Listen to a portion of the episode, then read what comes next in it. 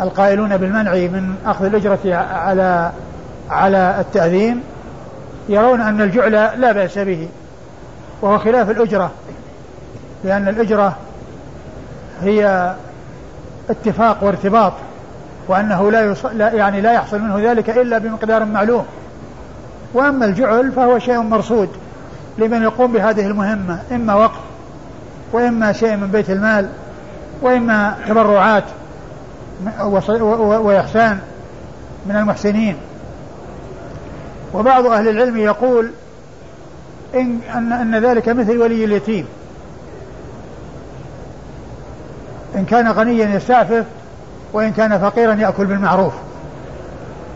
والذي يظهر أن أخذ الأجرة والمؤاجرة على ذلك لا تجوز.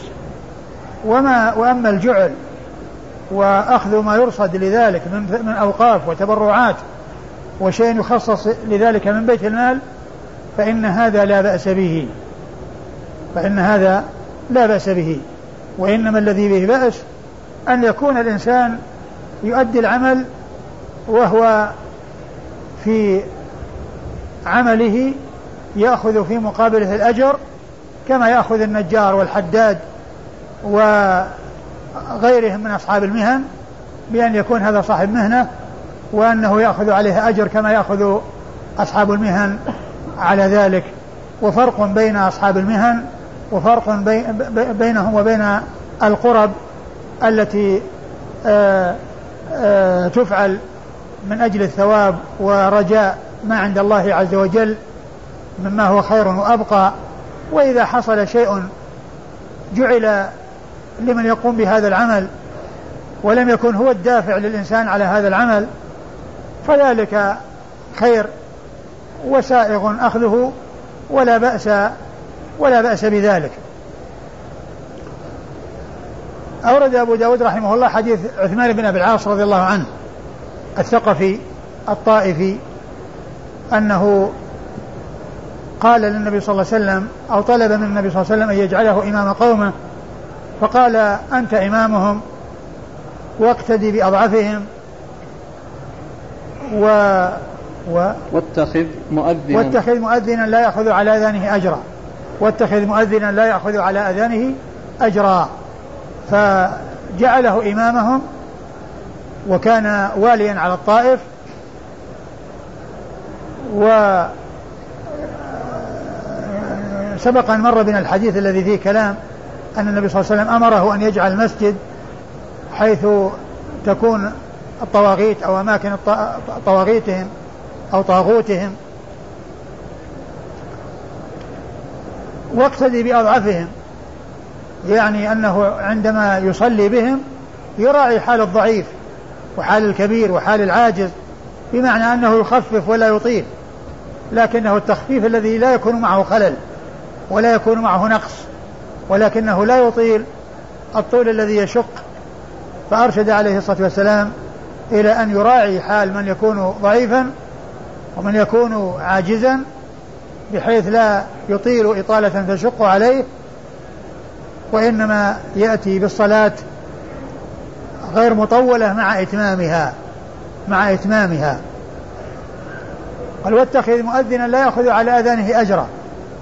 يعني معناه أن أنه يجعل مؤذن للوقت لكن لا يكون آه، آه، لا يؤذن إلا بأجر وأنه يأخذ على أذانه أجرا. وقد كان السلف يكرهون يعني مثل ذلك يعني كون الإنسان يتخذ العمل مؤاجرة. وقد ذكر عن الإمام أحمد رحمة الله عليه أنه قيل له أنه سئل عن إمام. يقول لهم يقول لجماعته أصلي بكم رمضان بكذا وكذا درهما. أصلي بكم رمضان بكذا وكذا درهما. فقال الإمام أحمد أسأل الله العافية ومن يصلي خلف هذا؟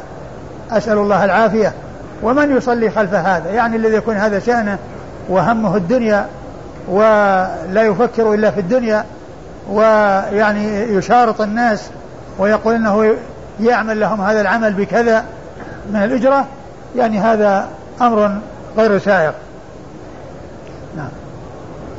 قال حدثنا موسى بن إسماعيل. موسى بن إسماعيل هو التبوذكي البصري ثقة أخرج له أصحاب الكتب الستة. عن حماد. عن حماد هو بن سلمة. وإذا جاء حماد يروي عنه موسى بن إسماعيل فهو ابن سلمة. وهو ثقة أخرج له البخاري تعليقا ومسلم وأصحاب السنن. عن سعيد الجريري. عن سعيد بن إياس الجريري وهو ثقة أخرجه أصحاب الكتب الستة. عن أبي العلاء. عن أبي العلاء وهو عبد الله بن يزيد بن الشخير وهو ثقة. اللي عندي يزيد بن عبد الله. يزيد نعم يزيد بن عبد الله نعم. يزيد بن عبد الله. أخو مطرف بن عبد الله الذي بعده. يزيد بن عبد الله بن الشخير وهو ثقة أخرج له أصحاب الكتب الستة. عن مطرف عن أخيه مطرف ابن عبد الله بن الشخير وهو ثقة أخرج له أصحاب الكتب الستة. عن عثمان بن أبي العاص رضي الله عنه صاحب رسول الله صلى الله عليه وسلم وكان واليا على الطائف وهو من ثقيف ومن أهل الطائف وقد أخرج حديثه مسلم وأصحاب السنن الأربعة. قال يا رسول الله اجعلني إمام قومي. قال يا رسول الله اجعلني إمام قومي. يعني طلب منه أن يعني يسند إليه الإمامة. نعم. استشكل الإخوان طلب الإمامة ما في بأس. أقول ما في بأس. إذا كان في مصلحة وفي فائدة وال ال ويترتب على ذلك مصلحة لا بأس بذلك. لأن الإمامة يعني هي قربة وعمل وفيها محافظة على الوقت وفيها يعني كون الإنسان يصلي الجماعة دائما وأبدا ولا تفوته الجماعة لأنه هو الإمام. وكونها أيضا يتعاهد القرآن ويحرص على أنه يعني يقرأ القرآن ويتعاهده إلى غير ذلك من الأمور التي يعني تكون في الإمامة. ومع ذلك فيها مسؤولية وفيها تبعة. وقد مر بنا الحديث الإمام ضامن والمؤذن مؤتمن. قال رحمه الله تعالى باب في الأذان قبل دخول الوقت. قال حدثنا موسى بن إسماعيل وداود بن شبيب المعنى قال حدثنا حماد عن أيوب عن نافع عن ابن عمر رضي الله عنهما أن بلالا رضي الله عنه أذن قبل طلوع الفجر فأمره النبي صلى الله عليه وآله وسلم أن يرجع فينادي ألا إن العبد قد نام؟ ألا إن العبد قد نام؟ زاد موسى فرجع فنادى ألا إن العبد قد نام؟ قال أبو داود وهذا الحديث لم يروه عن أيوب إلا حماد بن سلمة. ثم ورد أبو داود رحمه الله باب الأذان قبل دخول الوقت. نعم. باب الأذان قبل دخول الوقت. الأذان يكون عند دخول الوقت. وإذا وإذا حصل الأذان معناه أنه جاء وقت الصلاة. فالرجال يحضرون إلى المساجد. والنساء تصلي في البيوت وأهل الأعذار يصلون يعني في البيوت. من يكون يعني مريضا وعاجزا لا يستطيع يصلي. وحصول الأذان فيه إشعار بدخول الوقت وإعلام بدخول الوقت. ومن حين ما يحصل الأذان فمن صلى الصلاة فإنه يكون قد صلىها في وقتها. وعلى هذا فلا يجوز أن يكون الأذان قبل الوقت لأن وجود الأذان قبل الوقت يترتب عليه الصلاة قبل الوقت والصلاة قبل وقتها غير صحيحة لا تصح الصلاة قبل وقتها. ولو وجدت خطأ يجب إعادتها. ولو وجدت خطأ قبل الوقت يجب إعادتها في الوقت لأن الصلاة لوقتها ويؤتى بها في وقتها ولا تقدم على وقتها ولا تؤخر عن وقتها. إلا إذا كان هناك نوم أو شيء لا بد منه. وأما بالاختيار فلا تؤخر الصلاة عن وقتها ولا يجوز أن أن تقدم عن وقتها. وإن أتي بها قبل وقتها يعني خطأ أو, أو نسيانا أو ما إلى ذلك فإنه يتعين إعادتها في الوقت. وكل الصلوات ليس لها إلا أذان واحد يعني يكون عند دخول الوقت. إلا الفجر فإنه يشرع الأذان أذان آخر قبل الفجر وقبل دخول الوقت وليس المقصود منه أن يحضر الناس إلى الصلاة وأن يصلي من يسمع الأذان وإنما كما جاء في الحديث يوقظ النائم ويرجع القائم. الذي كان نائما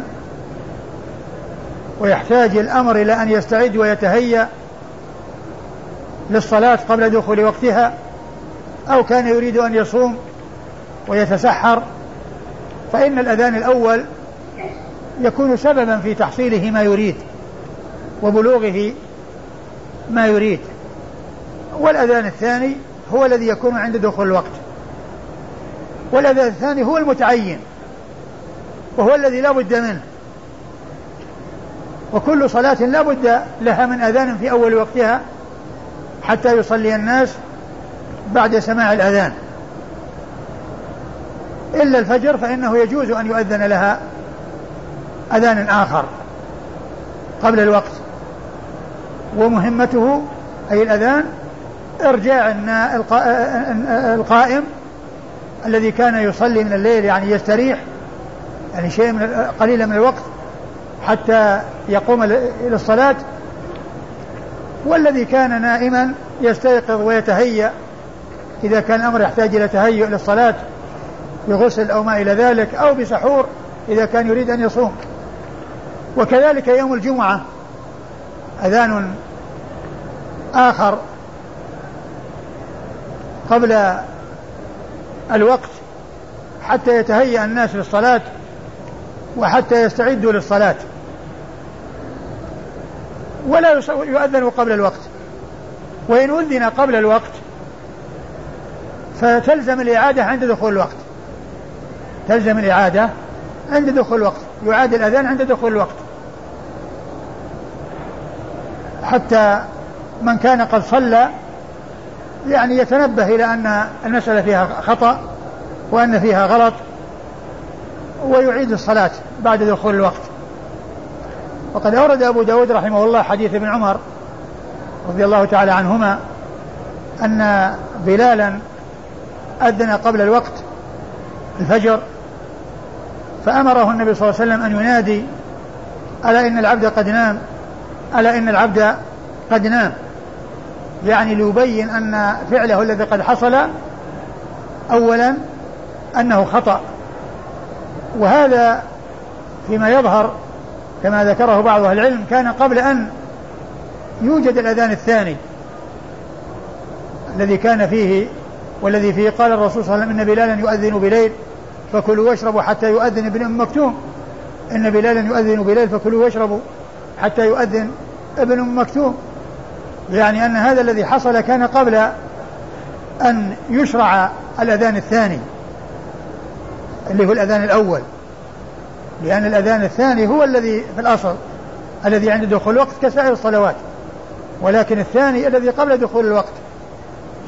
والذي لو ترك لا يؤثر لأنه ليس كالأذان الذي عند دخول الوقت. الاتيان به مطلوب وفيه فائدة ولكن لو ترك ما يؤثر. لأن اللي يؤثر هو الذي عند دخول الوقت. في جميع الصلوات. والذي تتفق فيه تتحد فيه الصلوات جميعها وتتفق كلها على أنه يؤذن لها عند دخول آه الوقت. وقول والذي جاء في الحديث لأن العبد قد نام قيل إن المراد به أنه قد حصل منه غفلة لم يتبين فيها الوقت ولهذا أخطأ في كونه أذن قبل الوقت. ومعنى هذا أنه لا يبنى على هذا الأذان حكم ولا يبنى عليه شيء يعني ولا يصلى من أجله لأنه حصل خطأ لأنه قد حصل خطأ نعم. قال حدثنا موسى بن إسماعيل وداود بن شبيب موسى بن إسماعيل مر ذكره وداود بن شبيب هو صدوق أخرجه البخاري وأبو داود وابن ماجه. صدوق أخرج حديث البخاري وأبو داود وابن ماجه. قال المعنى. قال المعنى يعني أن هذين الشيخين لأبي داود روايتهم متفقة بالمعنى. يعني مع اختلاف في الألفاظ. هذا هو المقصود بكلمة المعنى. نعم. قال حدثنا حماد عن أيوب. حماد هو بن بن بن, بن سلمة مر ذكره. أيوب بن أبي تميم السختياني. وهو ثقة. أخرجه أصحاب كتب الستة.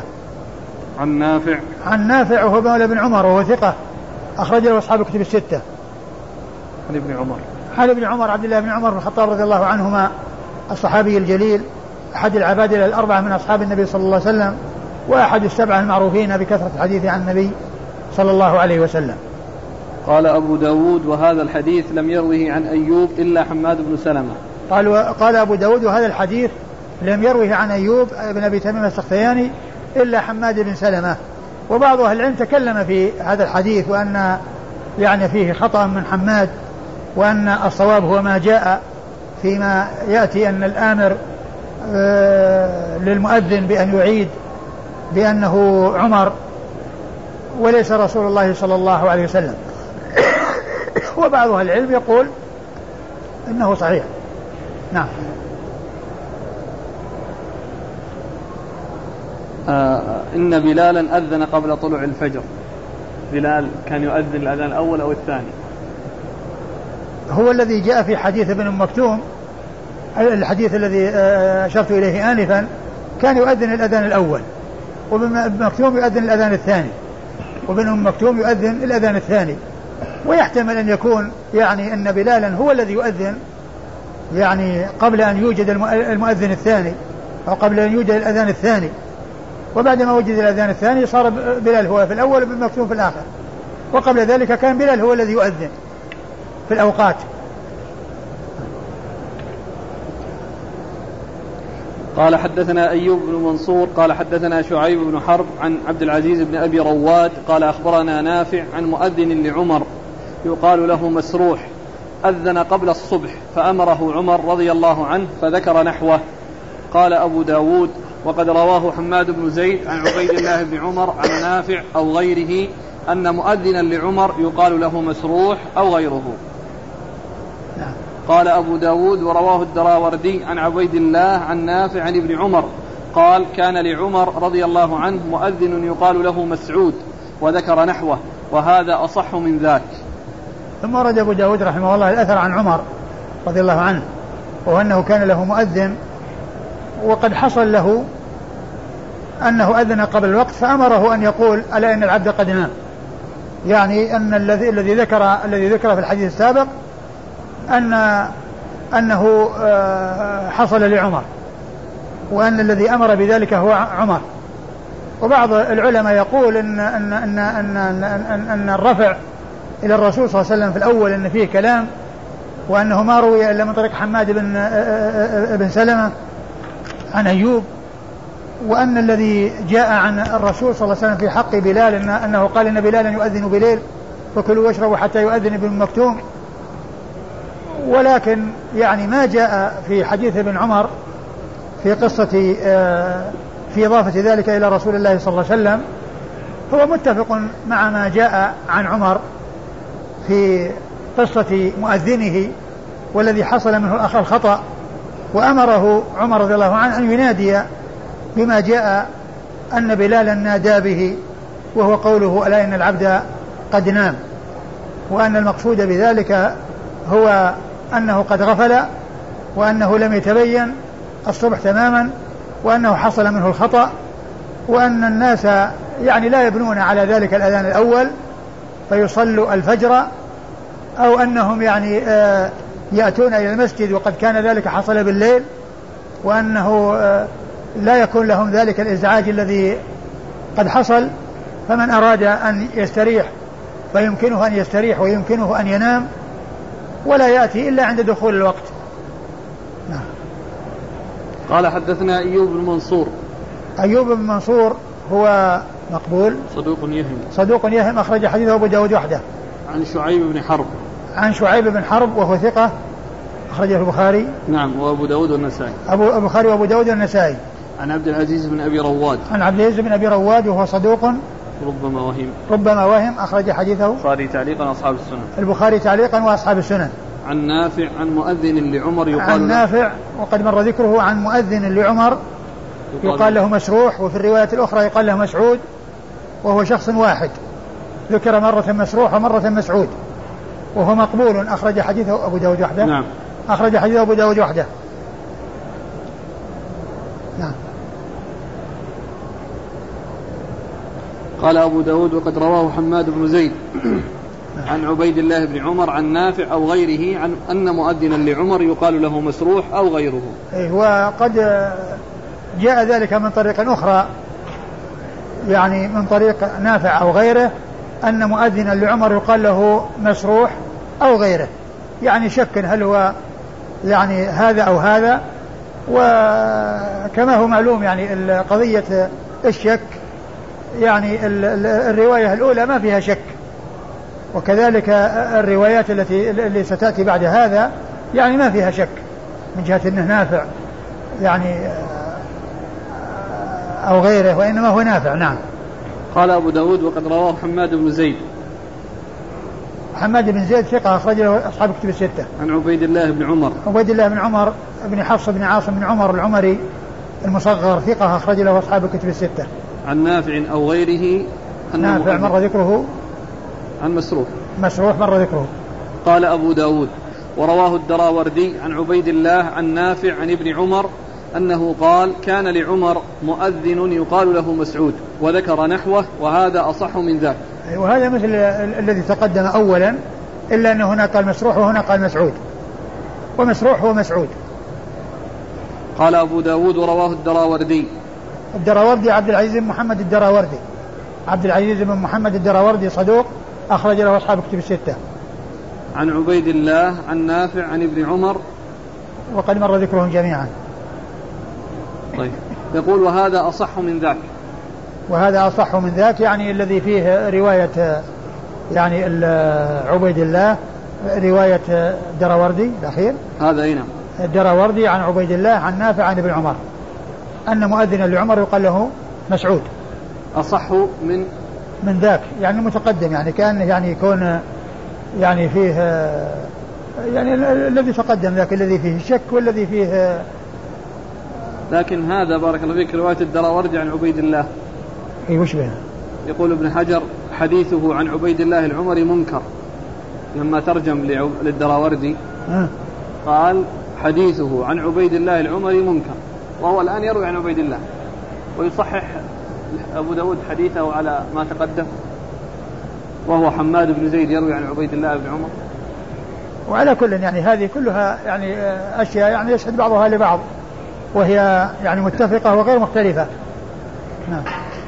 قال حدثنا زهير بن حرب قال حدثنا وكيع قال حدثنا جعفر بن برقان عن شداد مولى عياض بن عامر عن بلال رضي الله عنه أن رسول الله صلى الله عليه وآله وسلم قال له لا تؤذن حتى يستبين لك الفجر هكذا ومد يديه عرضا. قال أبو داود شداد مولى عياض لم يدرك بلالا. ثم أورد أبو داود رحمه الله حديث بلال. حديث بلال رضي الله عنه أن النبي صلى الله عليه وسلم قال له لا تؤذن إلا إذا رأيت الفجر. لا تؤذن حتى يستبين لك الفجر هكذا. حتى يستبين لك الفجر هكذا وأشار بيده عرضا يعني حتى يستبين لك الأفق الذي يأتي بالعرض والذي يعني يتزايد حتى تطلع الشمس لأن الفجر فجران. فجر يعني يظهر بياض في الأفق مستطيل وليس معترض وهذا يذهب وهو الذي يسمونه الفجر الكاذب. والفجر الثاني الذي يأتي بالعرض ممتد في الأفق ويتزايد حتى تطلع الشمس. فهذا هو الذي يكون عنده الأذان. هذا هو الذي يكون عنده الأذان الثاني الذي يكون عنده دخول الوقت والذي تحل عنده الصلاة ويحرم الأكل. في حق الصائم. يعني تحل معه الصلاة أي الصبح تؤدى ويحرم معه الأكل لأنه تبين الخط الأبيض من الخط الأسود. فخروج هذا الخط المعترض الفجر هذا هو الخيط الأبيض الذي يتزايد شيء فشيء حتى تطلع الشمس. ومد يديه عرضا.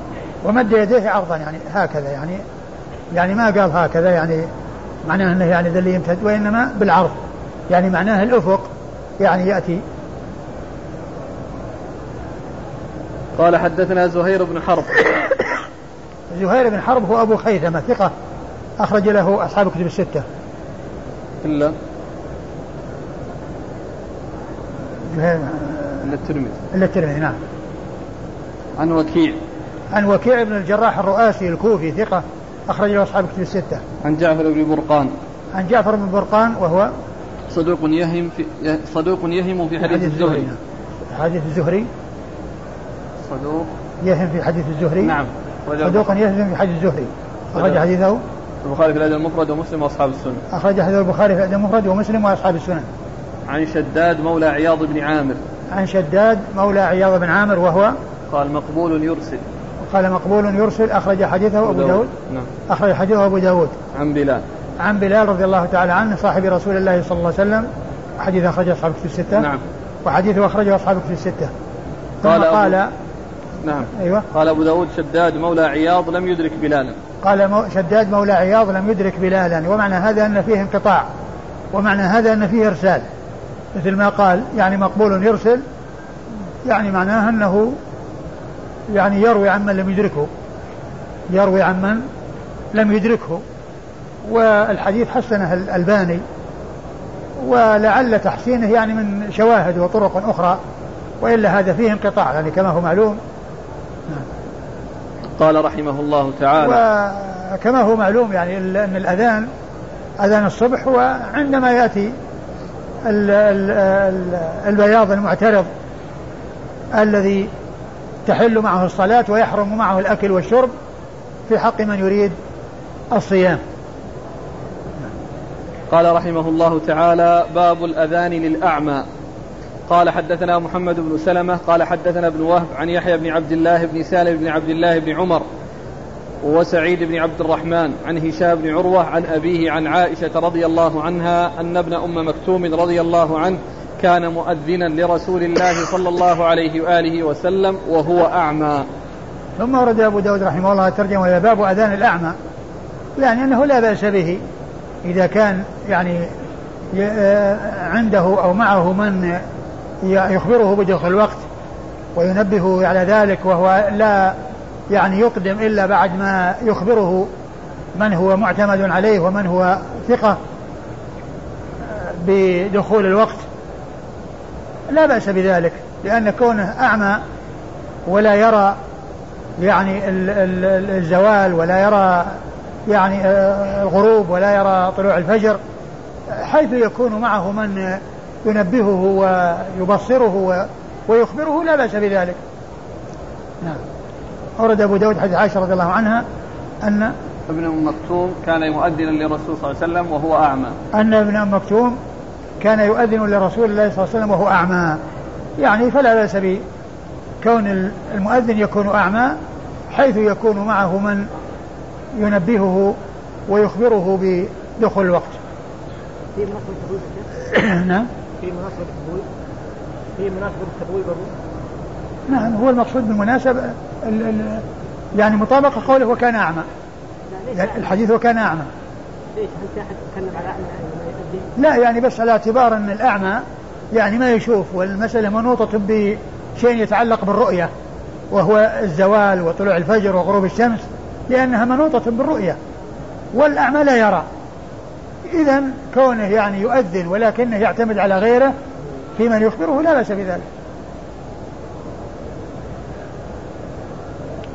يعني في جواز التقليد.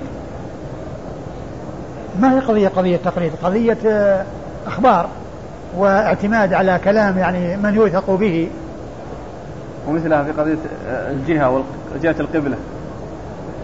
وكذلك جهة القبلة الإنسان إذا إذا ما عرفها وسأل يعني بالنسبة للمؤذن يعني؟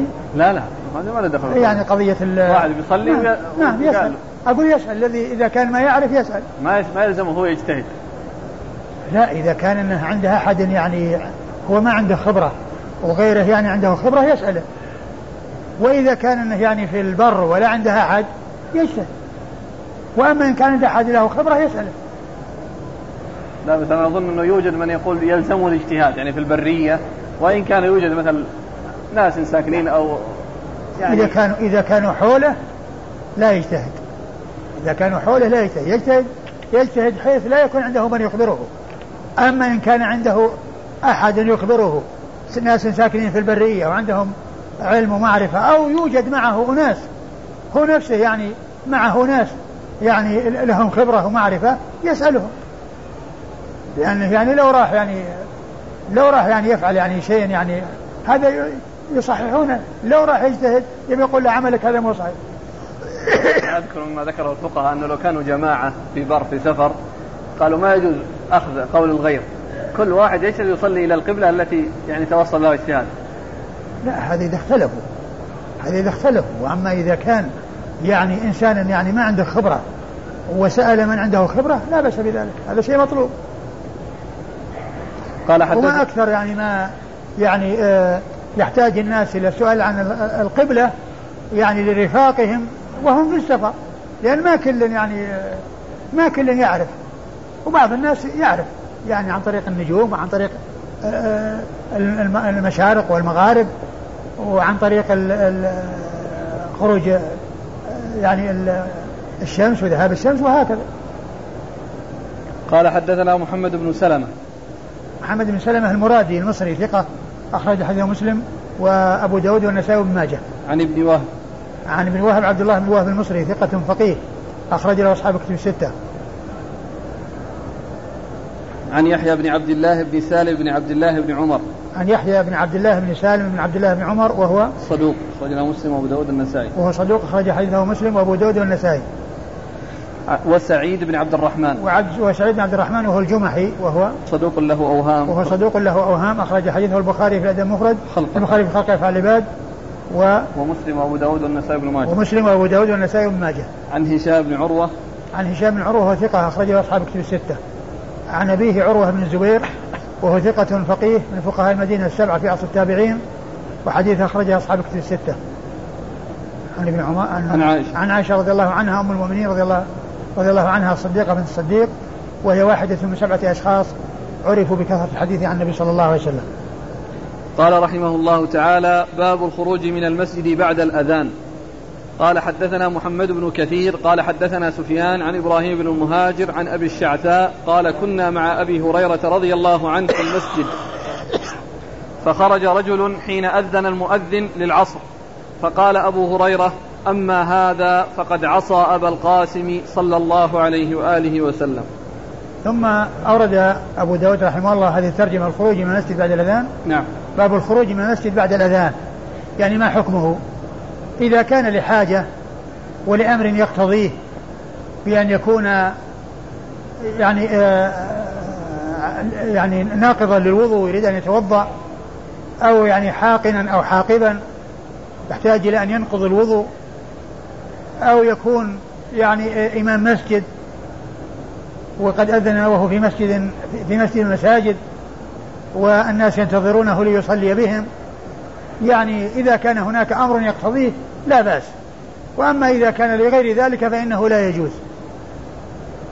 والخروج من المسجد بعد الأذان يعني آه، سبق أن مر بنا الحديث وأن الشيطان يفر عندما يسمع الأذان فيكون الإنسان عندما يخرج وهو غير مضطر لذلك يعني يكون في شبه أو مشابهة للشيطان.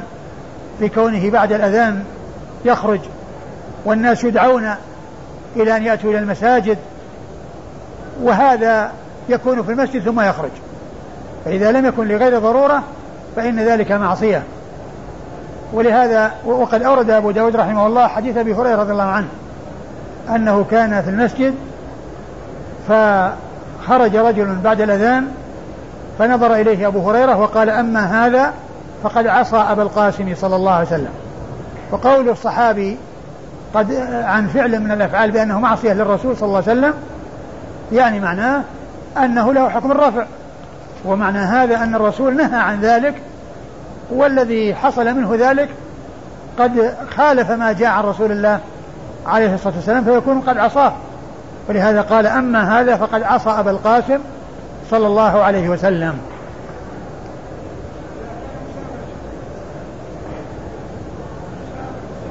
نعم.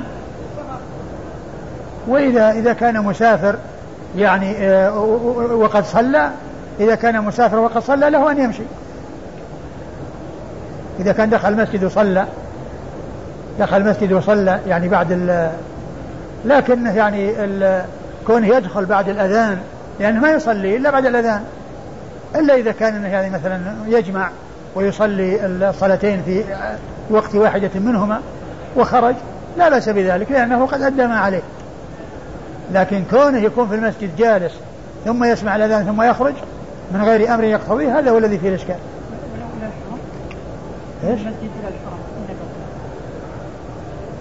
والله على كل يعني حتى حتى ولو كان يخرج المسجد النبوي. ما دام إنه ليس إماما وليس حاقبا وليس كذا وليس كذا لأنه يعني يتهم ويساء به الظن ويعني وقد يقتدي به غيره ممن لا يفهم فالإنسان إذا كان هذا يحسب حساب أنه يخرج قبل الأذان. قال حدثنا محمد بن كثير. محمد بن كثير العبدي ثقة أخرجه أصحاب كتب الستة. عن سفيان. عن سفيان وهو الثوري. سفيان بن سعيد بن مسروق الثوري ثقة فقيه. وصف بأنه أمير المؤمنين في الحديث وحديث أخرجه أصحاب كتب الستة. عن إبراهيم بن المهاجر. عن إبراهيم بن المهاجر وهو صدوق لين الحفظ أخرج له مسلم وأصحاب السنن صدوق لين الحفظ أخرج له مسلم وأصحاب السنن عن أبي الشعثاء عن أبي الشعثاء وهو وهو آه، آه، سليم بن أسود وهو سليم بن أسود المحاربي وهو ثقة أخرجه أصحاب الكتب الستة. عن أبي هريرة. عن أبي هريرة عبد الرحمن بن صخر الدوسي صاحب رسول الله صلى الله عليه وسلم وأحد السبعة المعروفين بكثرة الحديث عن النبي صلى الله عليه وسلم بل هو أكثر السبعة حديثا على الإطلاق. قال رحمه الله تعالى باب في المؤذن ينتظر الإمام. قال حدثنا عثمان بن أبي شيبة قال حدثنا شبابة عن إسرائيل عن سماك عن جابر بن سمرة. قال رضي الله عنه قال كان بلال رضي الله عنه يؤذن ثم يمهل.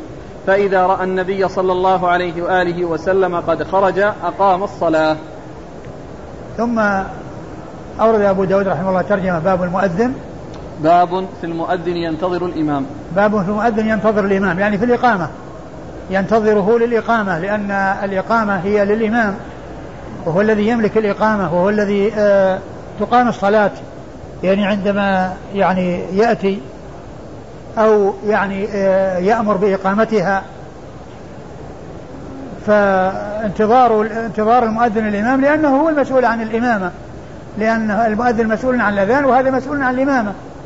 يعني هذا حقه الإمامة وهذا حقه الأذان.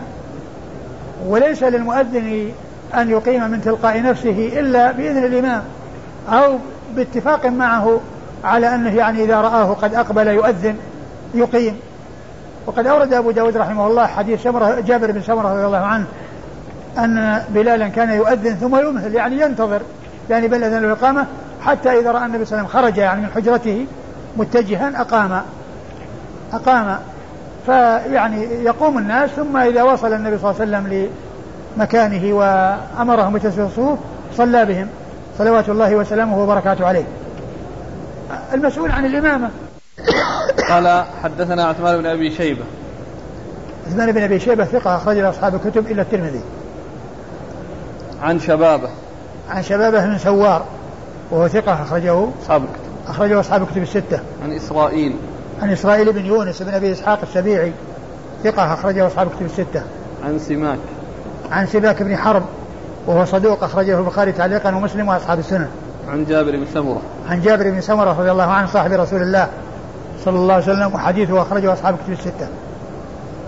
قال رحمه الله تعالى باب في التثويب. قال حدثنا محمد بن كثير قال حدثنا سفيان قال حدثنا أبو يحيى القتات عن مجاهد أنه قال كنت مع ابن عمر رضي الله عنهما فثوب رجل في الظهر أو العصر. قال اخرج بنا فإن هذه بدعة. ثم أورد أبو داود رحمه الله هذه ترجمة إلى باب التثويب. والتثويب يعني يطلق ويراد به ثلاث أمور. أحدها الإقامة فإن الإقامة يقال لها تثويب. وقد سبق أن مر بنا الحديث الذي فيه هروب الشيطان عندما يسمع الأذان فإذا فرغ أو قضي الأذان رجع فإذا ثوب بالصلاة, بالصلاة يعني نودي يعني بال إلى الصلاة مرة أخرى يعني بالإقامة. فأطلق على الإقامة أنها تثويب. وذلك أن التثويب هو رجوع إلى إلى إلى إلى, إلى النداء وإلى الدعاء للصلاة لأن حصل أولا الأذان ثم رجع إليه وعود وعيد إليه وثوب إليه يعني رجع إليه ثاب إلى كذا رجع ثاب إلى رشده رجع إلى رشده يعني أنه رجع إلى ما كان عليه من قبل. فالإقامة يقال لها تثويب. وأيضا الصلاة قول الصلاة خير من النوم في أذان الصبح يقال له تثويب. يقال له تثويب. وقيل له تثويب لأنه عود إلى الدعوة يعني إلى المجيء إلى الصلاة. لأن قول حي على الصلاة حي الفلاح دعوة. ثم إذا قال الصلاة خير من النوم هي أيضا يعني آه، عود إلى الدعوة مرة أخرى ولكن بلفظ آخر. وهو أن أن النوم الذي أنتم عليه ما تدعون إليه خير مما أنتم فيه وإن كان قد طاب لكم ولذ لكم لذ لكم الفراش.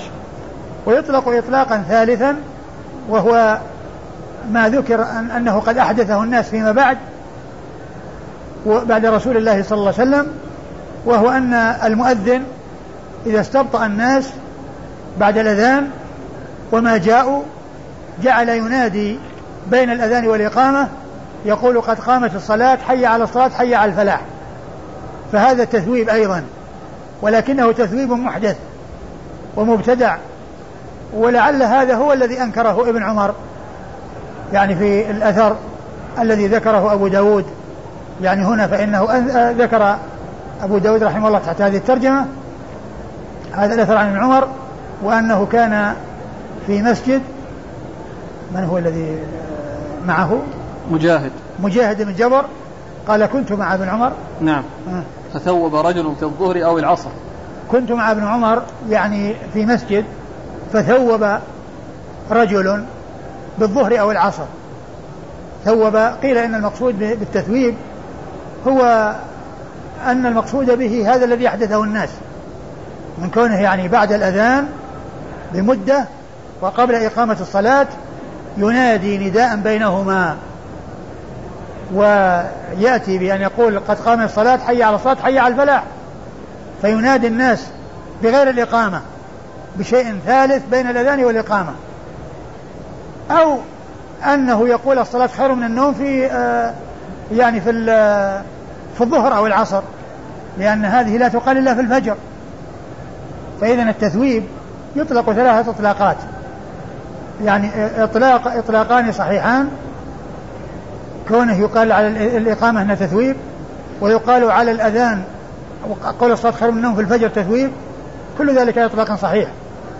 وأما الإتيان بالصلاة خير من النوم في الظهر أو العصر أو في غير الفجر أو كونه ينادى من الأذان والإقامة إذا استبطأ الناس فيقول قد قام الصلاة أو حي على الصلاة حي على الفلاح يعني هذا من الأمور المبتدعة فيقول مجاهد كنت مع ابن عمر فلما سمع المؤذن إيش؟ فثوب رجل فثوب رجل في المسجد. في الظهر أو العصر. فثوب رجل في الظهر أو العصر فقال ابن عمر اخرج بنا فإن هذه بدعة.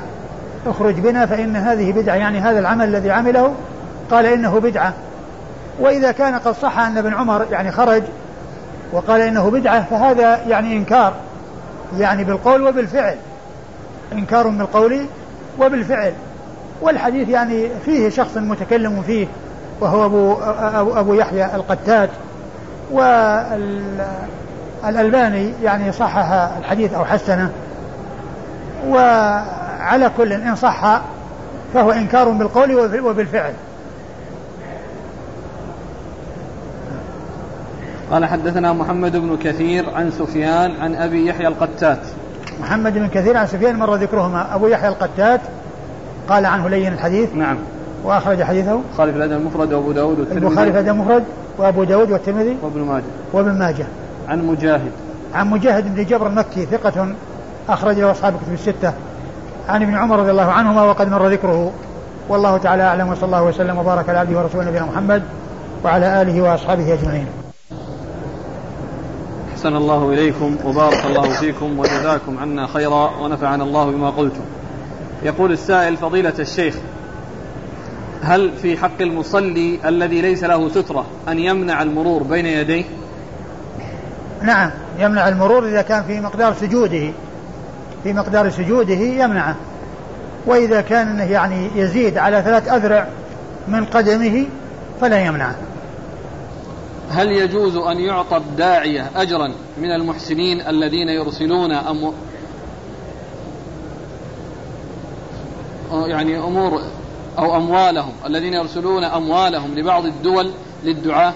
وإن كان جائزا فما هو الدليل على أنه يجوز له أن يأخذ ذلك من غير بيت المال؟ وأي مانع يمنع من ذلك؟ وأنه لا يجوز إلا من بيت المال. يعني يجوز من بيت المال ويجوز من الأوقاف ويجوز يعني من من من تبرعات المحسنين وإحسان المحسنين. أي مانع يمنع من هذا؟ ما يعني الأصل هو الجواز. أن كون الإنسان يعني يحسن بأن يساعد داعية وأن يخصص داعية يقوم بالدعوة وينفق عليه ويجعله يعني يتفرغ لهذه المهمة. لا بأس بذلك. هذا عمل طيب ولا مانع منه. وأي شيء يمنع. وأي مانع يمنع من هذا؟ هل مكافأة الطلاب في الجامعة من باب الجعل أو هو من باب الأجرة؟ لا من باب الجعل. هذا شيء رصد لهم بيت المال وهو جعل لهم. ما حكم زيارة المقابر التي عليها الأبنية؟ زيارة المقابر التي عليها الأبنية؟ نعم. ما في بس. تزار المقابر. ولو كان عليها أبنية الإنسان يزور المقابر ولكنه ينكر المنكر. ويبين أن هذا منكر اللي هو البناء. والمقبرة إذا كان فيها بنيان مو معناه أنها تترك لا تزار ولا يزار القبور لأن عليهم بنيان محدث. وكون وكون ال ال وكون ال ال أهل الأموات وكون الأموات أسيء إليهم بأن آه، عمل أمر لا يجوز. يحرمون من زيارتهم والدعاء إليه الدعاء لهم بسبب ذلك؟ أقول لا بأس بذلك وإنما يدعى للأموات وينكر المنكر. أخذ الأجرة من الخطيب لخطبته. هل أخذ الأجرة؟ من الخطيب. على خطبته. أخذ الأجرة من الخطيب؟ لا لا يعني الأجر لا يعني كون يأخذ هو إيه؟ كونه يأخذ أخذ الأجرة يعني للخطيب. كونه يأخذ يعني. نعم نعم. يعني إذا إذا خصص له شيء أو أعطي شيء ما في بأس يأخذ. بعض الأئمة يخففون حتى لا يمكن أن يستطيع الإنسان أن يقرأ الفاتحة. يقول هل من نصيحة لهم؟ وهل الأفضل للإنسان أن يبحث عن مسجد آخر؟ الإنسان إذا كان أنه يعني آه، يخفف تخفيف زايد لا يمكن معه الإتيان بالأمور المطلوبة يعني آه، ينبه. يعني ذلك الذي حصل من التخفيف. وأما إذا كان التخفيف تخفيف يعني يحصل معه ما هو مطلوب ولكنه ليس بتطويل لا بأس بذلك. ولكن يعني حيث يعني يتبين أن هناك آه، أمر يعني يقتضي التنبيه ينبه الإمام حتى يعني آه، حتى يعني يتدارك إذا كان فيه يعني شيء من آه، التقصير. إذا فات الإنسان الترديد مع المؤذن بعد بعض ألفاظ الأذان هل يردد ما فاته ثم يكمل معه؟ والله الذي يبدو أنه يفعل ذلك لأنه ما دام أنه لم يحصل يعني ذلك الشيء فكون يتدارك بهذه الطريقة لا بأس إن شاء الله. هل الأجرة التي تعطى الآن للأئمة والمؤذنين أجرة أم جعل؟ جعل. هذا الذي يخصص من بيت المال. لهؤلاء يقال له جعل وليس أجرة هل يجوز مصافحة خالة الزوجة أو عمتها؟ خالة الزوجة؟ أي. خالة الزوجة أجنبية. وعمة الزوجة أجنبية. ولهذا لو ترك الزوجة جاز له أن يأخذ عمتها وأن يأخذ خالتها. وتحريمها مؤقت وليس بدائم هي محرمة عليه. لكنه تحريم مؤقت لأنه لا يجمع بين المرأة وعمتها وخالتها. لكن لو ذهبت عنه المرأة جاز له, جاز له أن يأخذها أن يأخذ هذه ولهذا هو مصافحتها مصافحة أجنبية. ولا يصافح إلا المحرم والتي تحرم على مؤقتا لا يعتبر محرما لها وإنما المحرم من تحرم عليه على التأبيد. من تحرم عليه التأبيد هذه يعني هي التي يكون محرما لها الزوج ومن تحرم عليه على التأبيد. يعني هذا هو الذي يكون محرما للمرأة. ومن حرمت عليه مؤقتا ليس محرما. ليس محرما لها. فلا يجوز له أن يصافحها. هي أجنبية. والأجنبية لا تصافح. هل يجوز تأخير الأذان عن وقته كما يفعل في صلاة العشاء في رمضان؟ لا بأس.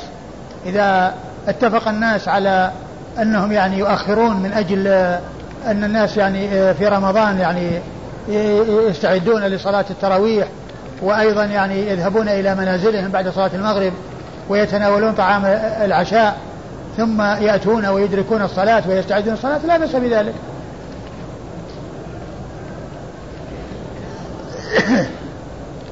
هذان سؤالان يقول فيهما أن في, في بعض البلاد الإسلامية يؤذن لصلاة الصبح قبل دخول الوقت.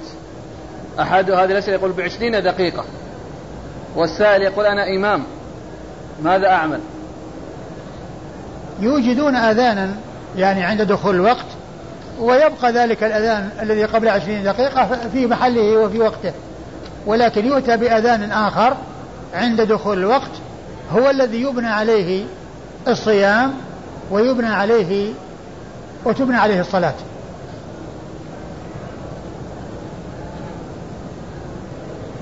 تفضل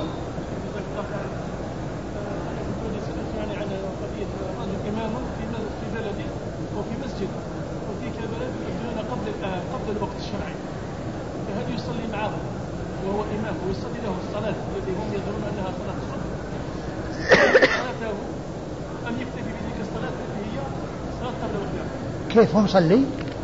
هو إمام في المسجد. أيوة. والناس والمؤذن يؤذن قبل دخول الوقت ويصلي قبل دخول الوقت؟ لا هل هل يستطيع أن يصلي لهم؟ يعني هل يكون يعني يصلح أن يكون إماما لهم؟ يعني هل ينصحهم والله أولا أولا يعني عليه أنه يصحح الوضع معهم. بمعنى أن الأذان الذي كان يحصل منهم قبل دخول الوقت يبقون على ما هو عليه. ويكون للتنبيه. يعني آه الذي يكون قبل الوقت. ويؤتى بأذان آخر يكون عنده دخول الوقت. وبذلك يبقى ما كان على ما كان ولكن الخطأ الذي يحصل يتدارك بإيجاد الأذان الثاني. الأذان الثاني هذا هو الأصل وكان المفروض أن يكون عند دخول الوقت. والأذان الأول الذي قبل دخول الوقت يعني يجوز ويجوز أن يترك ولكن الذي لا يجوز أن يترك هو الذي عند دخول الوقت. فهم يوجدون يعني يصححون الخطأ ويوجدون الأذان الثاني ويتفق معهم.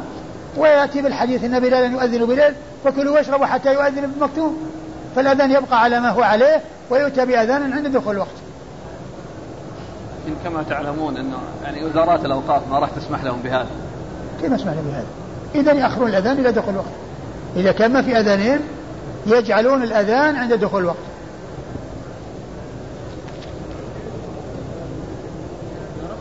بعض أهل العلم جازه لكنه بس ما يصلح. الشيخ يقول على صعيد البلد كلهم يؤذنون قبل ثلث ساعة. كيف هو يخالف يعني؟ يجعل أذانا ثانيا. نعم يجيبون يجيب أذان ثاني لا ما يترك الإمامة ولكنه يصحح الخطأ. ما يمكن هذا؟ يمنعونه على على كل يعني الإمامة لا يمتنع منها. أقول الإمامة لا يمتنع منها. وإذا كان الناس يعني فاهمين أنه يعني ان إن هذا الأذان ما تصلى الصلاة بعده إلا بعد كذا وكذا يعني الأمر أسهل. ولكن المحذور إذا كان يترتب عليه أن ناسا يصلون قبل دخول الوقت. ولكن الذي يقطع الإشكال إذا كانوا مصممين على بقاء هذا الأذان أن يأتوا بأذان عند دخول الوقت. وعند وعنده يعرف الناس أنه إذا وجد الأذان الثاني جاء وقت الصلاة. لكن لا يقال يترك يترك الإمامة. وبعض أهل العلم يعني قال أنه يعني يجوز لكن الذي يبدو أنه لا يجوز قبل دخول الوقت قبل دخول الوقت إلا إذا كان جعل أذانان أذان سابق وأذان عند دخول الوقت. لكن أشوف أذانين. الأول مثلا الساعة الثالثة والثاني مثلا الساعة الرابعة. ما في بأس مثلا يخرج الساعة يعني تقريبا يطلع الساعة الرابعة والربع أو الرابعة. لا لا. ما ي... ما يؤذن الأذان الثاني إلا إذا طلع الفجر. إذا ظهر الفجر وجاء وقت الصلاة وحرم الأكل والشرب يأتي الأذان الثاني. جزاكم الله خيرا. وبارك الله فيكم ونفعنا الله بما قلت. بسم الله الرحمن الرحيم. الحمد لله رب العالمين. والصلاة والسلام على عبد الله ورسوله نبينا محمد وعلى آله وصحبه أجمعين أما بعد. قال الإمام أبو داود السجستاني رحمه الله تعالى باب في الصلاة تقام ولم يأت الإمام ينتظرونه قعودا. قال حدثنا مسلم بن إبراهيم وموسى بن إسماعيل قال حدثنا أبان عن يحيى عن عبد الله بن أبي قتادة عن أبيه عن أبي قتادة رضي الله عنه. إيش؟ عن عبد الله بن أبي قتادة عن أبي قتادة رضي الله عنه. نعم، في مكررة يعني. يعني إحداهما إما أبيه وإما أبي قتادة. عن النبي صلى الله عليه وآله وسلم أنه قال إذا أقيمت الصلاة فلا تقوموا حتى تروني. قال أبو داود وهكذا رواه أيوب وحجاج الصواف عن يحيى وهشام الدستوائي. قال كتب إلى كتب إلي يحيى ورواه معاوية بن سلام وعلي بن المبارك عن يحيى وقال فيه حتى تروني وعليكم السكينة. بسم الله الرحمن الرحيم. الحمد لله رب العالمين وصلى الله وسلم وبارك على عبده ورسوله. نبينا محمد وعلى آله وأصحابه أجمعين. أما بعد يقول الإمام أبو داود السجستاني رحمه الله تعالى باب في الصلاة تقام ولم يأتي الإمام ينتظرونه قعودا. نعم. ولم يأتي الإمام ينتظرونه قعودا.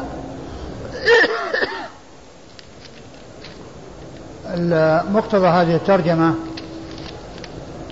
أن الصلاة إذا أقيمت ولم يكن الإمام قد جاء فإنهم ينتظرونه قعودا ولا ينتظرونه قياما لأن ذلك يشق عليهم.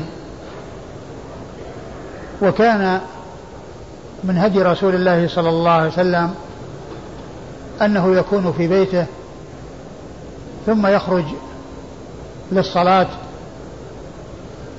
وكان بلال رضي الله عنه يؤذنه ويأتي ويطرق عليه البيت ويقيم الصلاة. وأحيانا ينتظر أو ينظر بلال إلى باب رسول الله صلى الله عليه وسلم الذي من جهة المسجد فإذا رآه خرج أقام الصلاة. فمن الناس من يكون قد رآه قد خرج ومنهم من لا يكون قد رآه. وقد أرشد عليه الصلاة والسلام إلى أنه إذا أقيمت الصلاة فلا يقومون حتى يروه حتى يروه قد خرج من بيته. لأنه قد يعرض له شيء يجعله يتأخر في الدخول في الصلاة فيكون في ذلك مشقة على الناس. وإذا كانوا جالسين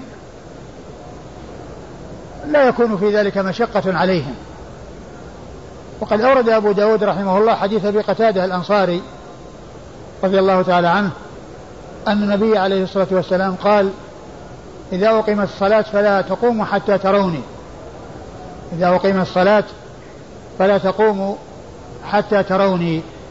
ومعنى هذا أنه ينتظر الإمام إذا لم يروه قعودا ولا يقومون وينتظرونه وقوفا. وهذا من رفق رسول الله صلى الله عليه وسلم بأمته وحرصه على دفع الحرج عنها والمشقة عليها صلوات الله وسلامه وبركاته عليه وهو الذي وصفه الله في كتابه العزيز بقوله لقد جاءكم رسول من أنفسكم عزيز عليه ما عنتم حريص عليكم بالمؤمنين رؤوف رحيم صلوات الله وسلامه وبركاته عليه. نعم قال حدثنا مسلم بن إبراهيم. مسلم بن إبراهيم الفراهيدي ثقة أخرج له أصحاب كتب الستة. وموسى بن وموسى بن إسماعيل التبوذكي البصري ثقة أخرج له أصحاب الكتب الستة. عن أبان. عن أبان بن يزيد العطار وهو ثقة أخرج له أصحاب الكتب الستة إلا ابن ماجه. عن يحيى. عن يحيى وهو ابن أبي كثير اليمامي وهو ثقة أخرج له أصحاب الكتب الستة. عن عبد الله بن أبي قتادة. عن عبد الله بن أبي قتادة وهو ثقة أخرج له أصحاب الكتب الستة. عن أبيه أبي قتادة وهو الحارث بن ربعي رضي الله تعالى عنه صاحب رسول الله صلى الله عليه وسلم. وحديثه أخرجه أصحاب الكتب الستة. قال أبو داود وهكذا رواه أيوب وحجاج الصواف عن يحيى. وهكذا رواه آه، أيوب وهو السختياني. أيوب بن أبي تمام السختياني ثقة أخرج له أصحاب الكتب الستة. وحجاج الصواف وحجاج بن أبي عثمان الصواف ثقة أخرج له أصحاب الكتب الستة. وهشام الدستوائي وهشام بن أبي تميم وهشام بن عبد الله وهشام بن أبي عبد الله الدستوائي وهو ثقة أخرجه أصحاب كتب الستة. قال كتب إلي يحيى. يعني هشام يقول كتب إلي لأن أولئك يعني الذين قبل يعني قالوا عن يحيى وأما هشام فإنه قال كتب إلي يحيى. ورواه معاوية بن سلام وعلي بن المبارك عن يحيى وقال فيه حتى تروني وعليكم السكينة. و ورواه آه معاوية بن سلام. معاوية بن سلام ثقة أخرج له أصحاب كتب الستة. وعلي بن المبارك. وعلي بن المبارك وهو وهو وهو ثقة ولا نعم. صدوق؟ ثقة. ثقة أخرج له أصحاب كتب الستة. وقال فيه حتى تروني وعليكم السكينة. وقال فيه حتى تروني وعليكم السكينة. يعني آه زيادة وعليكم السكينة. قال حدثنا إبراهيم بن موسى قال حدثنا عيسى عن يعني أنهم إذا قاموا يعني يقومون وعليهم السكينة وهم يعني ينتظرونه جلوسا ولا يقوم حتى يروه ويقومون وعليهم السكينة. أيوه. قال حدثنا إبراهيم بن موسى قال حدثنا عيسى عن معمر عن يحيى بإسناده مثله قال حتى تروني قد خرجت قال أبو داود لم يذكر قد خرجت إلا معمر ورواه ابن عيينة عن معمر لم يقل فيه قد خرجت. ثم رد أبو داود رحمه الله حديث أبي قتادة من طريق أخرى وهو مثل الذي قبله إلا أن فيه يعني آه، قوله قد خرج حتى تروني قد خرجت. يعني إضافة قد خرجت إلى قوله تروني. ويعني هي تفيد أنه بمجرد خروجه يقومون وأنه لا يتوقف قيامهم على أن يقوم مقامه الذي يصلي فيه ويكونون جالسين حتى يقف في المكان الذي يصلي فيه. وإنما إذا رأوه خرج قاموا لأنه الصلاة أقيمت وهو قد جاء ليصلي بالناس وكان من هديه عليه الصلاة والسلام أن يصلي النوافل في بيته ثم يخرج وتقام الصلاة ويصلي بالناس ثم يخرج ويرجع إلى ثم يرجع إلى بيته ويصلي فيه النوافل. صلوات الله وسلامه وبركاته عليه. قوله حتى تروني قد خرجت يعني فيه بيان أن قوله حتى تروني يعني أنه إقباله من بيته وخروجه من بيته ليصلي بالناس عند ذلك يقومون ويأخذون أماكنهم ويسوون صفوفهم أو يتهيئون لتسوية الصف حتى يقف النبي صلى الله عليه وسلم في مقامه الذي يصلي فيه ويسوي الصفوف ثم يصلي بالناس صلوات الله وسلامه وبركاته عليه. نعم. قال حدثنا إبراهيم بن موسى. إبراهيم بن موسى ثقة أخرج له أصحاب الكتب الستة. عن عيسى. عن عيسى بن يونس بن أبي إسحاق السبيعي وهو ثقة أخرج له. أصحاب الكتب. أخرج له أصحاب الكتب الستة. عن معمر. هو أخرج أصحاب الكتب. عيسى بن يونس بن أبي إسحاق السبيعي ثقة أيوه. مأمون. آه. أخرج له أصحاب الكتب. نعم ثقة أخرج أصحاب الكتب الستة.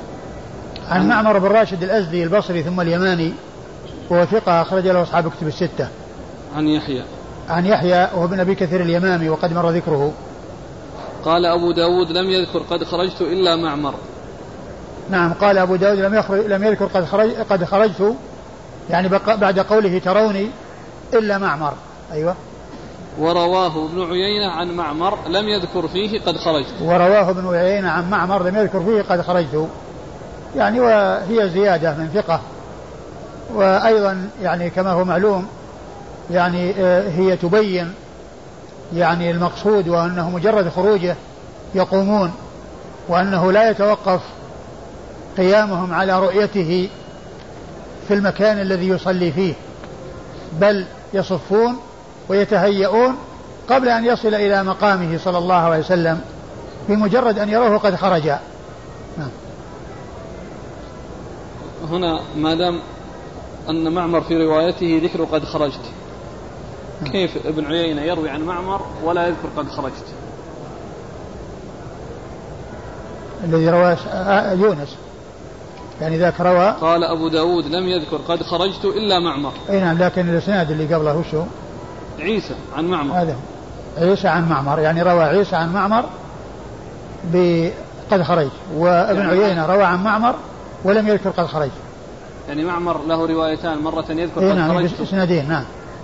إسناد ابن عيينة وإسناد آه، يونس.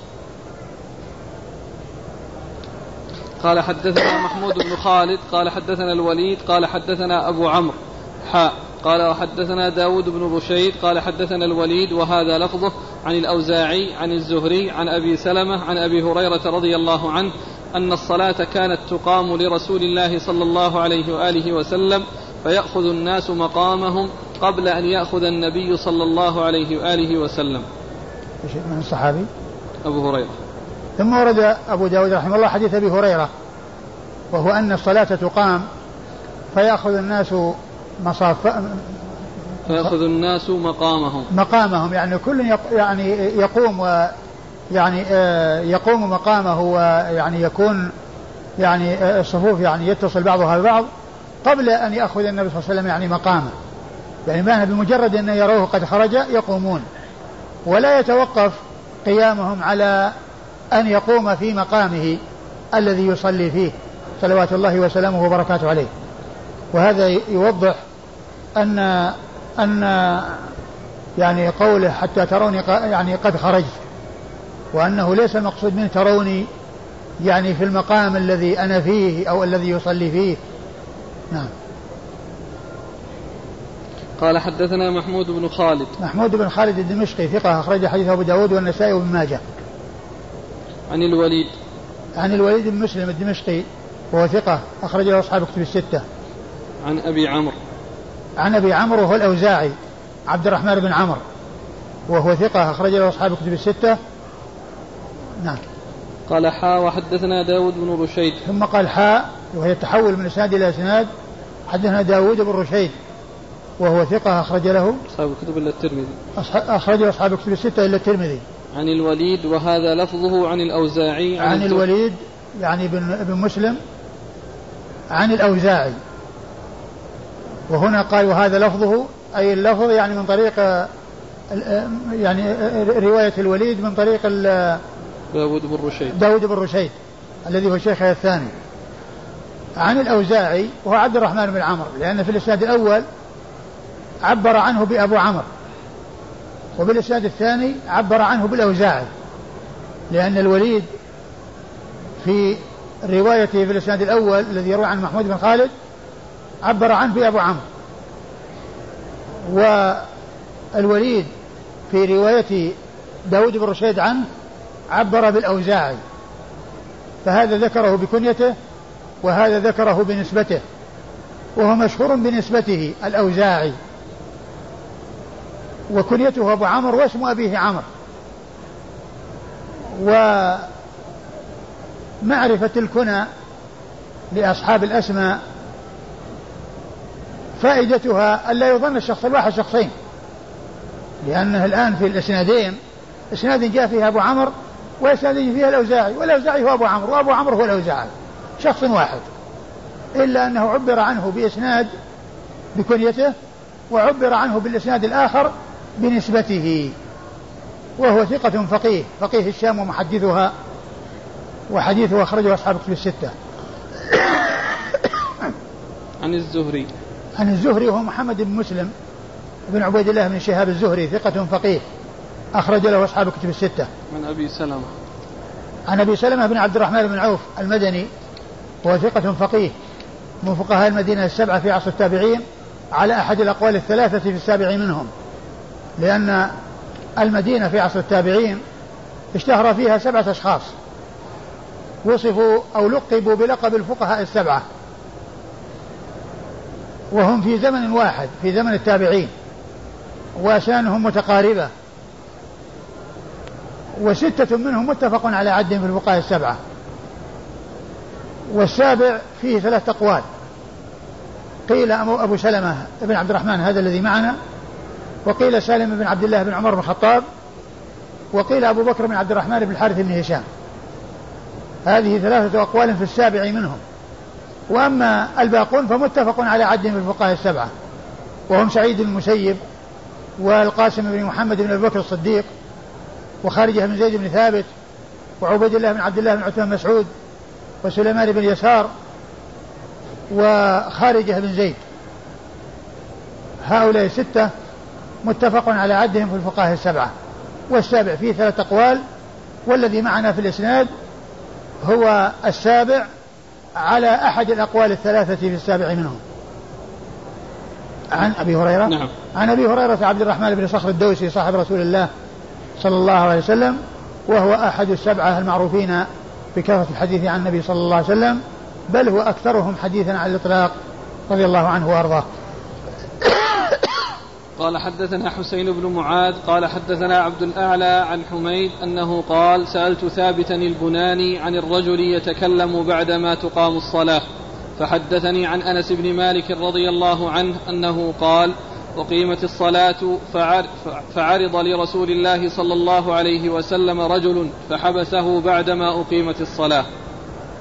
ثم ورد أبو داود رحمه الله حديث آه، أنس. حديث أنس بن مالك رضي الله عنه.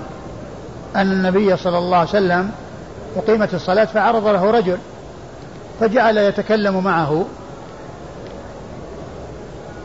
بعدما أقيم الصلاة. قال إيش لفظه قال عرض له رجل. فعرض لرسول الله صلى الله عليه وسلم رجل فحبسه بعدما أقيمت الصلاة. فعرض لرسول الله رجل فحبسه بعدما أقيمت الصلاة. يعني معنى صار يتكلم معه. والمقصود من هذا أنه يجوز الكلام بين الإقامة والتكبير. لأن النبي صلى الله عليه وسلم صار يحدث هذا الرجل ويتكلم مع هذا الرجل.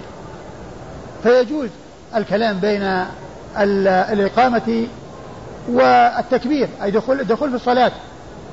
يعني لا من جهة الإمام مع غيره ولا من جهة المأمومين كون بعضهم يقول يعني مثلا تقدم وتأخر أو يعني يسوون الصفوف ويكلم بعضهم بعضا. يعني لا بأس بذلك. والنبي صلى الله عليه وسلم تكلم مع هذا الرجل بعدما أقيمت الصلاة. تكلم بعد مع هذا الرجل الذي عرض له بعدما أقيمت الصلاة. فهذا يدلنا على جواز الكلام بين الإقامة وبين الدخول في الصلاة. نعم. قال حدثنا حسين بن معاذ. حدثنا حسين بن معاذ وهو ثقة أخرجه أبو داود. وهو ثقة أخرجه أبو داود وحده. عن عبد الأعلى. عن عبد الأعلى بن عبد الأعلى بن عبد الأعلى البصري ثقة. أخرج له أصحاب الكتب الستة. عن حميد. عن حميد بن أبي حميد الطويل. وهو ثقة. أخرج له أصحاب الكتب الستة. عن ثابت البناني. عن ثابت بن أسلم البناني ثقة. أخرج له أصحاب الكتب الستة. عن أنس. عن أنس بن مالك رضي الله عنه صاحب رسول الله صلى الله عليه وسلم وخادمه وأحد السبعة المعروفين بكثرة الحديث عن النبي صلى الله عليه وسلم. إيش يقول حميد؟ قال إيش حميد؟ عن حميد أنه قال سألت ثابتا البناني عن الرجل يتكلم بعدما تقام الصلاة فحدثني عن أنس. نعم، يعني حميد سأل ثابتا عن حكم الكلام بعدما تقام الصلاة يعني وقبل التكبير. فحدث عن أنس يعني ساق الحديث. كانوا إذا سئلوا أجابوا بالخبر. يعني عندما يسأل يحدث ويسوق الحديث عن رسول الله صلى الله عليه وسلم فيكون الجواب حصل الجواب وبكلام الرسول صلى الله عليه وسلم. يعني ما أجاب بكلامه هو ولكنه أجاب بكلام الرسول صلى الله عليه وسلم. فحدث عن أنس رضي الله عنه أن الصلاة أقيمت فعرض رجل لرسول الله صلى الله عليه وسلم فجعل يكلمه بعدما أقيم الصلاة. فدل هذا على جواز الكلام بين الإقامة والدخول في الصلاة. لا من جهة الإمام الكلام بين الإمام وغيره ولا بين المأمومين فيما يعني فيه مصلحة ويعني تعود إلى الصلاة مثل تقدم وتأخر. يعني يقول لأحد تقدم أو تأخر أو يعني آه، أقرب أو آه، ما إلى ذلك من الكلام الذي يجري. يعني لمصلحة الصلاة ولتسوية الصفوف.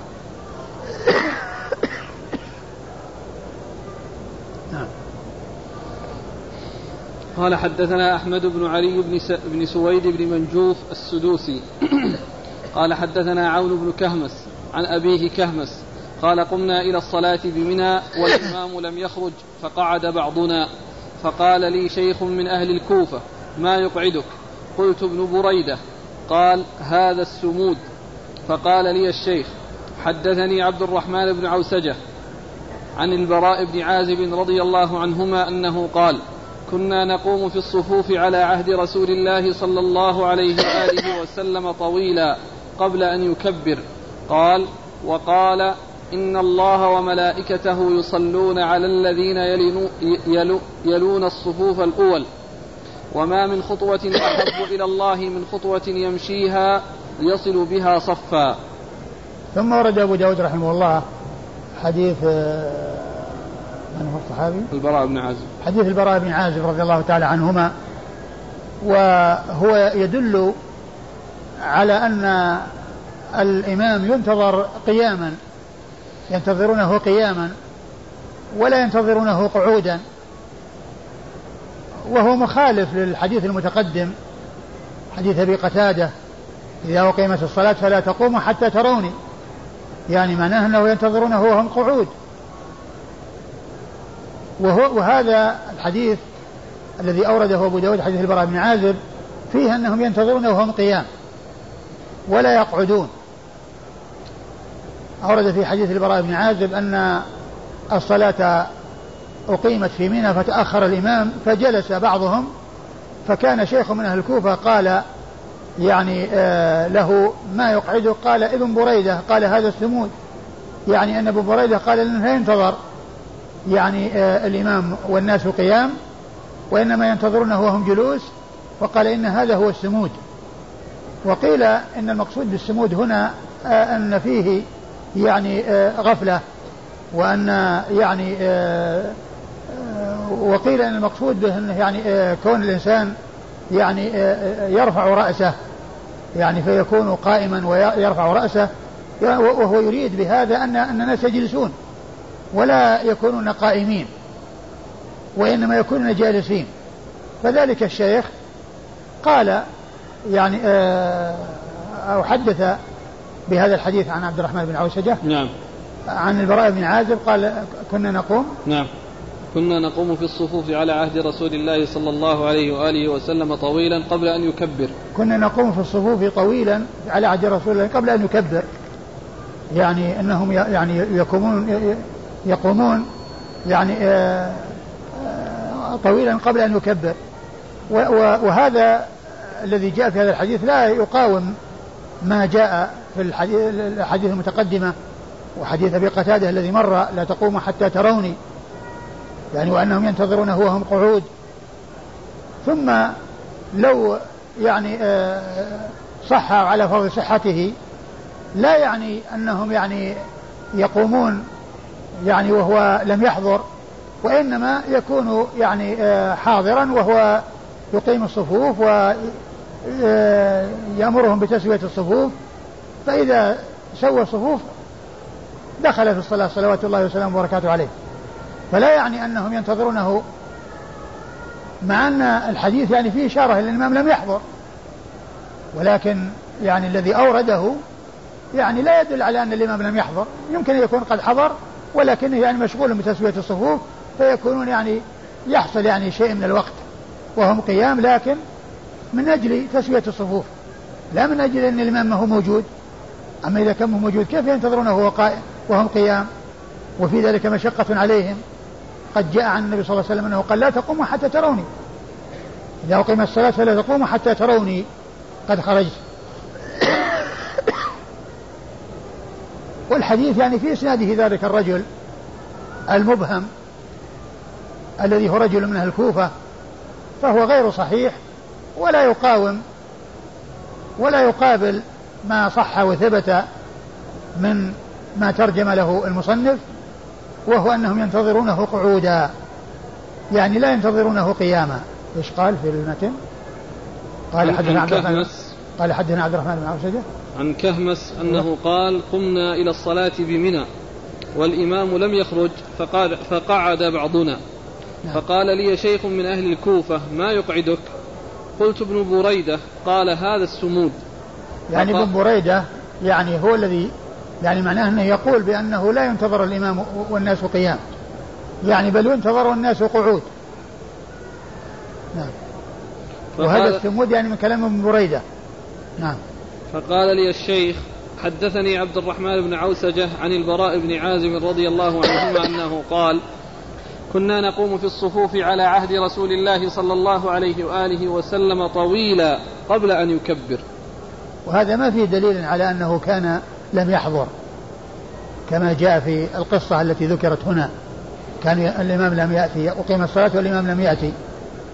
وإنما يمكن أن يكون هذا الذي حصل أن الإمام موجود بينهم ولكنه يسويهم.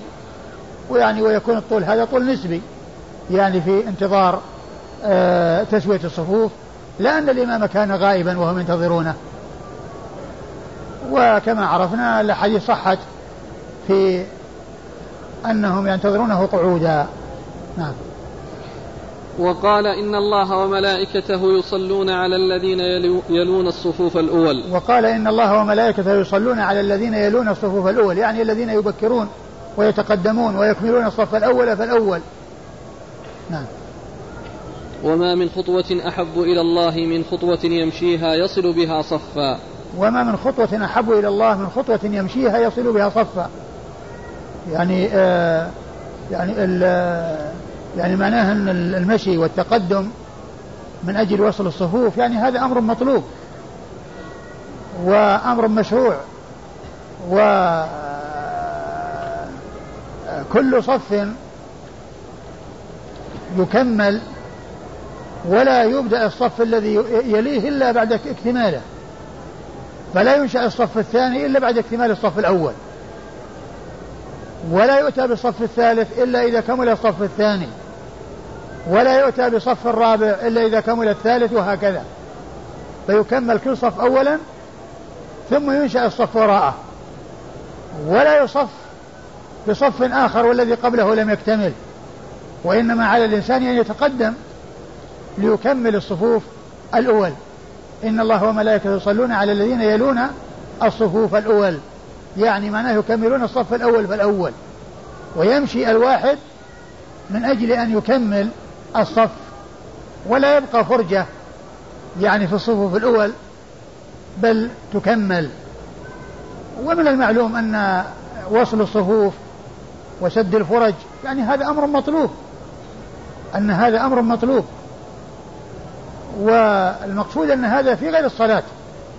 وإذا كان في الصلاة والإنسان يعني أمامه فرجة والصف يعني قريب وتقدم من صف إلى صف ليسد الفرجة الموجودة لا بأس بذلك لأن خطوتين أو ثلاث يعني في سبيل ذلك لا بأس ولكن كونه يمشي من مسافة بعيدة ويتقدم من صف إلى صف وهو في الصلاة هذا لا يعني لا ينبغي ولكن هذا في حق من يأتي ولم يدخل في الصلاة فإنه عليه أن يتقدم إلى أن يصل إلى المكان الذي هو آه، آه، الفرجة التي ليس هناك شيء أمامها يحتاج إلى تقدم إليها. نعم.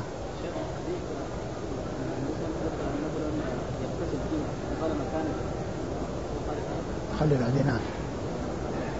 قال حدثنا مسدد قال حدثنا أحمد بن علي بن سويد بن منجوف السدوسي. أحد حدثنا؟ نعم أحمد بن علي بن سويد بن منجوف. أحمد بن علي بن سويد بن, منج... بن منجوف نعم. السدوسي نعم. وهو؟ صدوق خرج البخاري وأبو داود والنسائي. صدوق خرج البخاري وأبو داود والنسائي. عن عون بن كهمس. عن عون بن كهمس وهو مقبول أخرج حديث أبو داود. عن أبيه. عن أبيه كهمس بن الحسن وهو ثقة أو صدوق. نعم ثقة. ثقة أخرج له أصحاب الكتب. أخرج له أصحاب الكتب الستة. عن هذا الشيخ. عن شيخ من أهل الكوفة مجهول نعم. مبهم. مبهم لا يعرف. عن عبد الرحمن بن عوسجة. عن عبد الرحمن بن عوسجة وهو ثقة أخرجه البخاري في المفرد وأصحاب السنن. ثقة أخرجه البخاري في المفرد وأصحاب السنن. عن البراء بن عن البراء بن عازب رضي الله عنهما الصحابي الجليل وحديثه أخرجه أصحاب الكتب الستة. والحديث في هذا الرجل المبهم فهو ضعيف. قال حدثنا مسدد قال حدثنا عبد الوارث عن عبد العزيز بن صهيب عن أنس رضي الله عنه أنه قال أقيمت الصلاة ورسول الله صلى الله عليه وآله وسلم نجي في جانب المسجد فما قام إلى الصلاة حتى نام القوم ثم أورد أبو داود رحمه الله حديث أنس أنس بن مالك رضي الله عنه أقيمت الصلاة والنبي صلى الله عليه وسلم نجي في المسجد يعني يناجي واحدا في المسجد. يناجي واحدا في المسجد فطال طالت المناجاة. فإيش؟ فما نعم. فما قام إلى الصلاة حتى نام القوم. فما قام إلى الصلاة يعني وهو, وهو يعني مع ذلك الذي يناجيه حتى نام القوم يعني حصل منهم النعاس. يعني حصل منهم النعاس. يعني هذا المقصود بقوله نام القوم يعني حصل منهم النعاس وهذا بعد الإقامة فهذا يدلنا على أن أن الناس ينتظرون يعني الإمام يعني وهم وهم جلوس وكذلك الإمام أو غير الإمام يعني له أن يكلم غيره بين بين الإقامة وبين الدخول في الصلاة. قال حدثنا مسدد مسدد بن مسرهد البصري ثقة. أخرج له أصحاب كتب أخرجه البخاري وأبو داود والترمذي والنسائي. عن عبد الوارث. عن عبد الوارث بن سعيد العنبري ثقة. أخرج له أصحاب الكتب الستة. عن عبد العزيز بن صهيب عن عبد العزيز بن صهيب وهو ثقة. أخرج له أصحاب الكتب الستة. عن أنس. عن أنس بن مالك رضي الله عنه صاحب رسول الله صلى الله عليه وسلم وقد مر ذكره. وهذا من الرباعيات. هذا من أعلى الأسانيد عند أبي داود وهي الرباعيات بين أبي داود وبين رسول الله عليه الصلاة والسلام فيها أربعة أشخاص. وهنا مسدد وعبد الوارث وعبد العزيز بن صهيب وأنس بن مالك. أربعة أشخاص بين أبي داود وبين رسول الله عليه الصلاة والسلام فهو أعلى الأسانيد عنده لأنه ليس عنده من الثلاثيات شيء. ليس عنده من الثلاثيات شيء بل أعلى ما عنده الرباعيات. وبالمناسبة فمثل أبي داود مسلم مثل أبي داود آه، مسلم ليس عنده إلا الرباعيات. والنسائي كذلك ليس عنده إلا الرباعيات. فثلاثة أعلى ما عندهم الرباعيات مسلم وأبو داود والنسائي. والبخاري عنده اثنان وعشرون حديثا ثلاثيا. اثنان وعشرون حديثا ثلاثيا. والترمذي عنده حديث واحد ثلاثي. حديث واحد ثلاثي. وابن ماجه عنده خمسة حديث ثلاثي ثلاثية وكلها بإسناد واحد وهو ضعيف. هذه الخمسة الأسانيد إسنادها واحد هذه الخمسة الأحاديث إسنادها واحد وذلك الإسناد فيها ضعيف.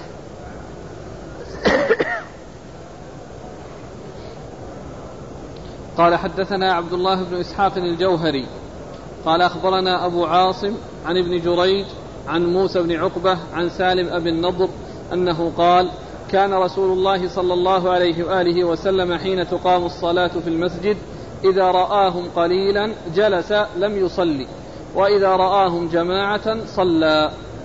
قال كان؟ كان رسول الله صلى الله عليه وآله وسلم حين تقام الصلاة في المسجد إذا رآهم قليلا جلس لم يصلي وإذا رآهم جماعة صلى. ثم ورد أبو داود يعني هذا الحديث عن سالم أبي النضر وهو أنه قال كان النبي صلى الله عليه وسلم تقام الصلاة فإذا رآهم قليلا آه، جلس وإذا رآهم يعني جماعة أو كثيرين صلى. يعني يعني معناه أنها تقام الصلاة فإذا كانوا قليلا فإنه يجلس ينتظر وإذا كان كثيرا فإنه يصلي بالناس ويدخل في الصلاة. وهذا يعني آه الحديث وهذا منقطع لأن سلم بن النضر تابعي لم يدرك النبي صلى الله عليه وسلم فهو مرسل وهو غير ثابت يعني الحديث. ويعني آه وهو غير واضح من جهة المعنى يعني كونه تقام الصلاة ثم يعني آه يجلس. يعني ينتظر الناس حتى يكثروا. ولعل المقصود أنها تقام الصلاة يعني حين يأتي وقت إقامة الصلاة. يعني وليس معنى ذلك أنها تقام